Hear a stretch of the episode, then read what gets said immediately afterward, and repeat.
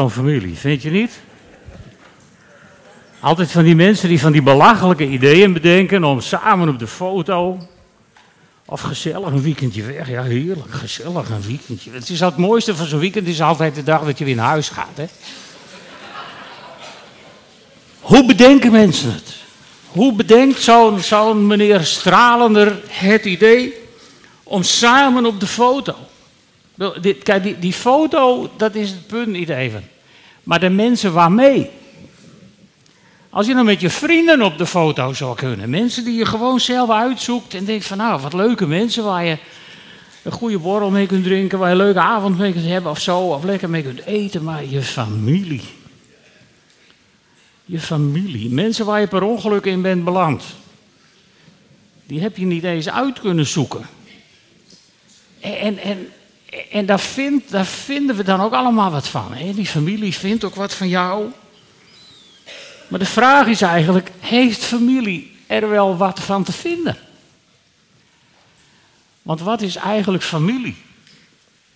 Of in het Nederlands gebruiken wij vaak het woord gezin. De Duitsers hebben het over de familie en de Engelsen over de family. Maar we bedoelen allemaal hetzelfde. En ik heb eens even opgezocht van wat is nou eigenlijk een gezin. Het is een beetje glad ijs tegenwoordig misschien om je daarop te begeven. Maar volgens Wikipedia wordt het begrip gezin gebruikt voor een echtpaar met hun kinderen.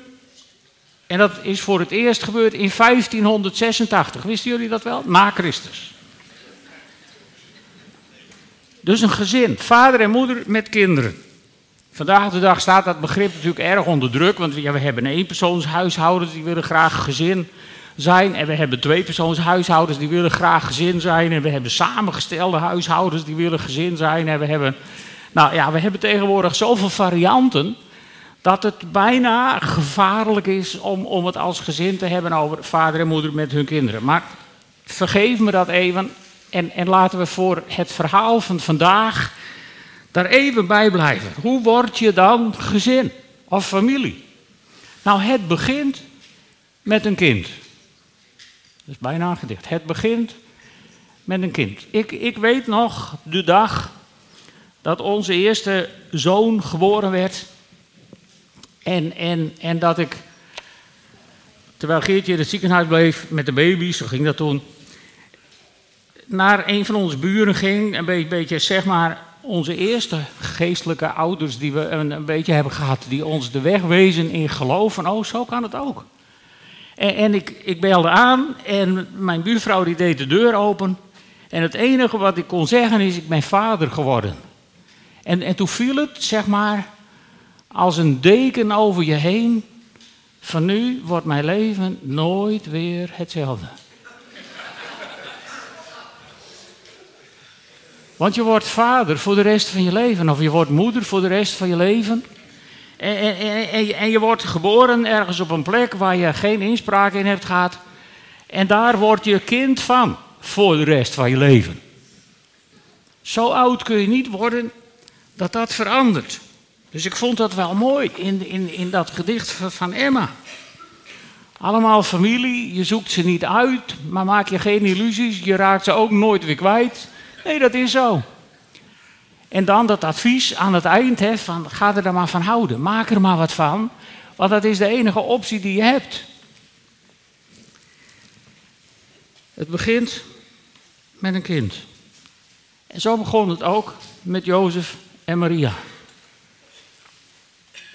Twee mensen, niet van groot aanzien of zo, die naar Bethlehem moesten reizen, omdat de een of andere hotemethode in het verre Rome dat had bedacht. Ze moesten met de familie op de foto, nou fijn. Dan reis je dan helemaal voor naar Bethlehem. En dan staat er in de Bijbel, terwijl ze daar waren, brak de dag van haar bevalling aan en ze bracht een zoon ter wereld. Haar eerstgeborene. Het begon met een kind. En... Uh, zo is het ook met de gemeente, of liever gezegd, met de gemeenschap der heiligen. Niet met één kerkje apart tussen muren, zoals wij hier vandaag zitten, maar met de gemeenschap der heiligen. Met alle gelovigen over de hele wereld bij elkaar zijn wij familie. En uh, dat begon ook met een kind. Jesaja die profeteerde dat al in Jesaja 9 vers 6. Een kind is ons geboren, een zoon is ons gegeven. En het was de start van een wereldwijde beweging. Een wereldwijde beweging die inmiddels ruim 2000 jaar op deze aarde zijn weg probeert te vinden. Soms vechtend, soms uit elkaar scheurend in verschillende groepen en denominaties. Soms elkaar weer terugvindend. En ik hoop op kerst elkaar weer respecterend met alle verschillen die er zijn.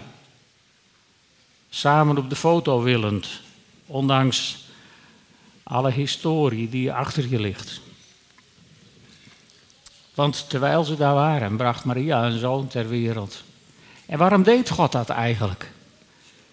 Weet je, het antwoord is zo voor de hand liggend dat je de Bijbeltekst uit je hoofd kunt. Want God had de wereld zo lief dat hij zijn enige geboren zoon naar deze wereld stuurde. Opdat iedereen die in hem gelooft niet verloren gaat, maar eeuwig leven heeft. Het was Gods idee om ons met elkaar, met al die mensen in al die andere kerken over de hele wereld waar, waar kerst wordt gevierd. Het was Gods idee om ons met z'n allen familie van elkaar te maken. Misschien denk je, nou, je had mij ook wel even om advies kunnen vragen. Ja, dat denk ik ook wel eens. Maar dan was het niet geworden wat het nu geworden is. Zo'n succesverhaal. Qua aantallen in ieder geval. Misschien niet overal over de manier waarop we met elkaar omgaan. Maar het begon met een kind. En dat is wat we vandaag vieren. De geboorte van Jezus. En door de geboorte van Jezus, de geboorte van the family of God. Het begon met een kind.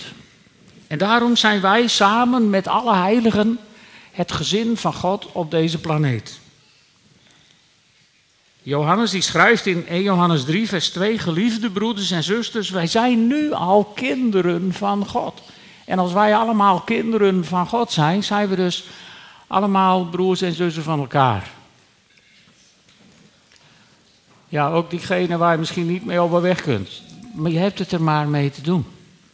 En misschien is Gods uitnodiging ook dit jaar met kerst wel, want zouden jullie samen op de foto willen met z'n allen? Zou je dat willen? Want dat we broers en zusters zijn, betekent nogal wat voor onze onderlinge verhoudingen. Paulus die schrijft aan de gemeente in Rome: heb elkaar lief met de innige liefde van broeders en zusters en acht de ander hoger dan jezelf dan wordt het wat ingewikkeld, vind je niet? Want eigenlijk heb ik natuurlijk gelijk en ik snap hoe het zit. En, en het is vervelend dat jullie daar niet allemaal mee, in mee kunnen komen, toch? En dan gaan we tegen elkaar zeggen, nou ja, maar zij zijn nog niet zo ver. Of, of dat soort kreten hoor dan. Hè? Vooral als het gaat over andere kerken of gelovigen van wat een andere signatuur. Alsof wij verder zijn dan, dan zij. Maar we zijn allemaal gewoon op 25 december 2022 aangeland. Hoor. Niemand is verder of later. En we zijn allemaal broers en zussen van elkaar. En weet je wat het mooie is? Daar hangt een immense belofte aan. Want Paulus schrijft aan de gemeente in Efeze dat we samen met alle heiligen de lengte en de breedte en de hoogte en de diepte kunnen ontdekken de liefde van Christus kunnen kennen die alle begrip te boven gaat, zodat we zullen volstromen met Gods volkomenheid. Wat is kerst dan een relaxte dag? Dat we vol mogen stromen met Gods volkomenheid. Soms is het dan noodzakelijk dat onze eigen volkomenheid er eerst even een beetje uitgaat, hè, zodat er wat meer van God in kan. En dan, ja, dan wordt het wat. En de vraag is niet, lieve mensen, wat we daarvan vinden, de vraag is of we ertoe bereid zijn. En uh, het kenmerk van Open Thuis, waar we vandaag kerst ook vieren, is onder andere dat we samen gemeente willen zijn, terwijl we verschillend over dingen mogen denken. Want te vaak zijn verschillen belangrijker gemaakt dan de eenheid. Maar je bent broers en zussen van elkaar. Allemaal familie. Je kiest ze niet uit. En maak je geen illusies, je raakt ze ook niet kwijt. Dus hou dan maar van elkaar. Laten we dan maar broers en zussen willen zijn. Met al die verschillen. Want weet je, toen de herders in het veld waren, toen kwamen die engelen een prachtige proclamatie afgeven. Een boodschap uit de hemel. Ere zij God in de hoge. Vrede op aarde. In ieder geval in je hart. En in mensen een welbehagen. En mijn vraag aan jullie is: zullen we proberen welbehagen te hebben in mensen en niet meer in meningen? Want dan heeft vrede op deze aarde een kans. Amen.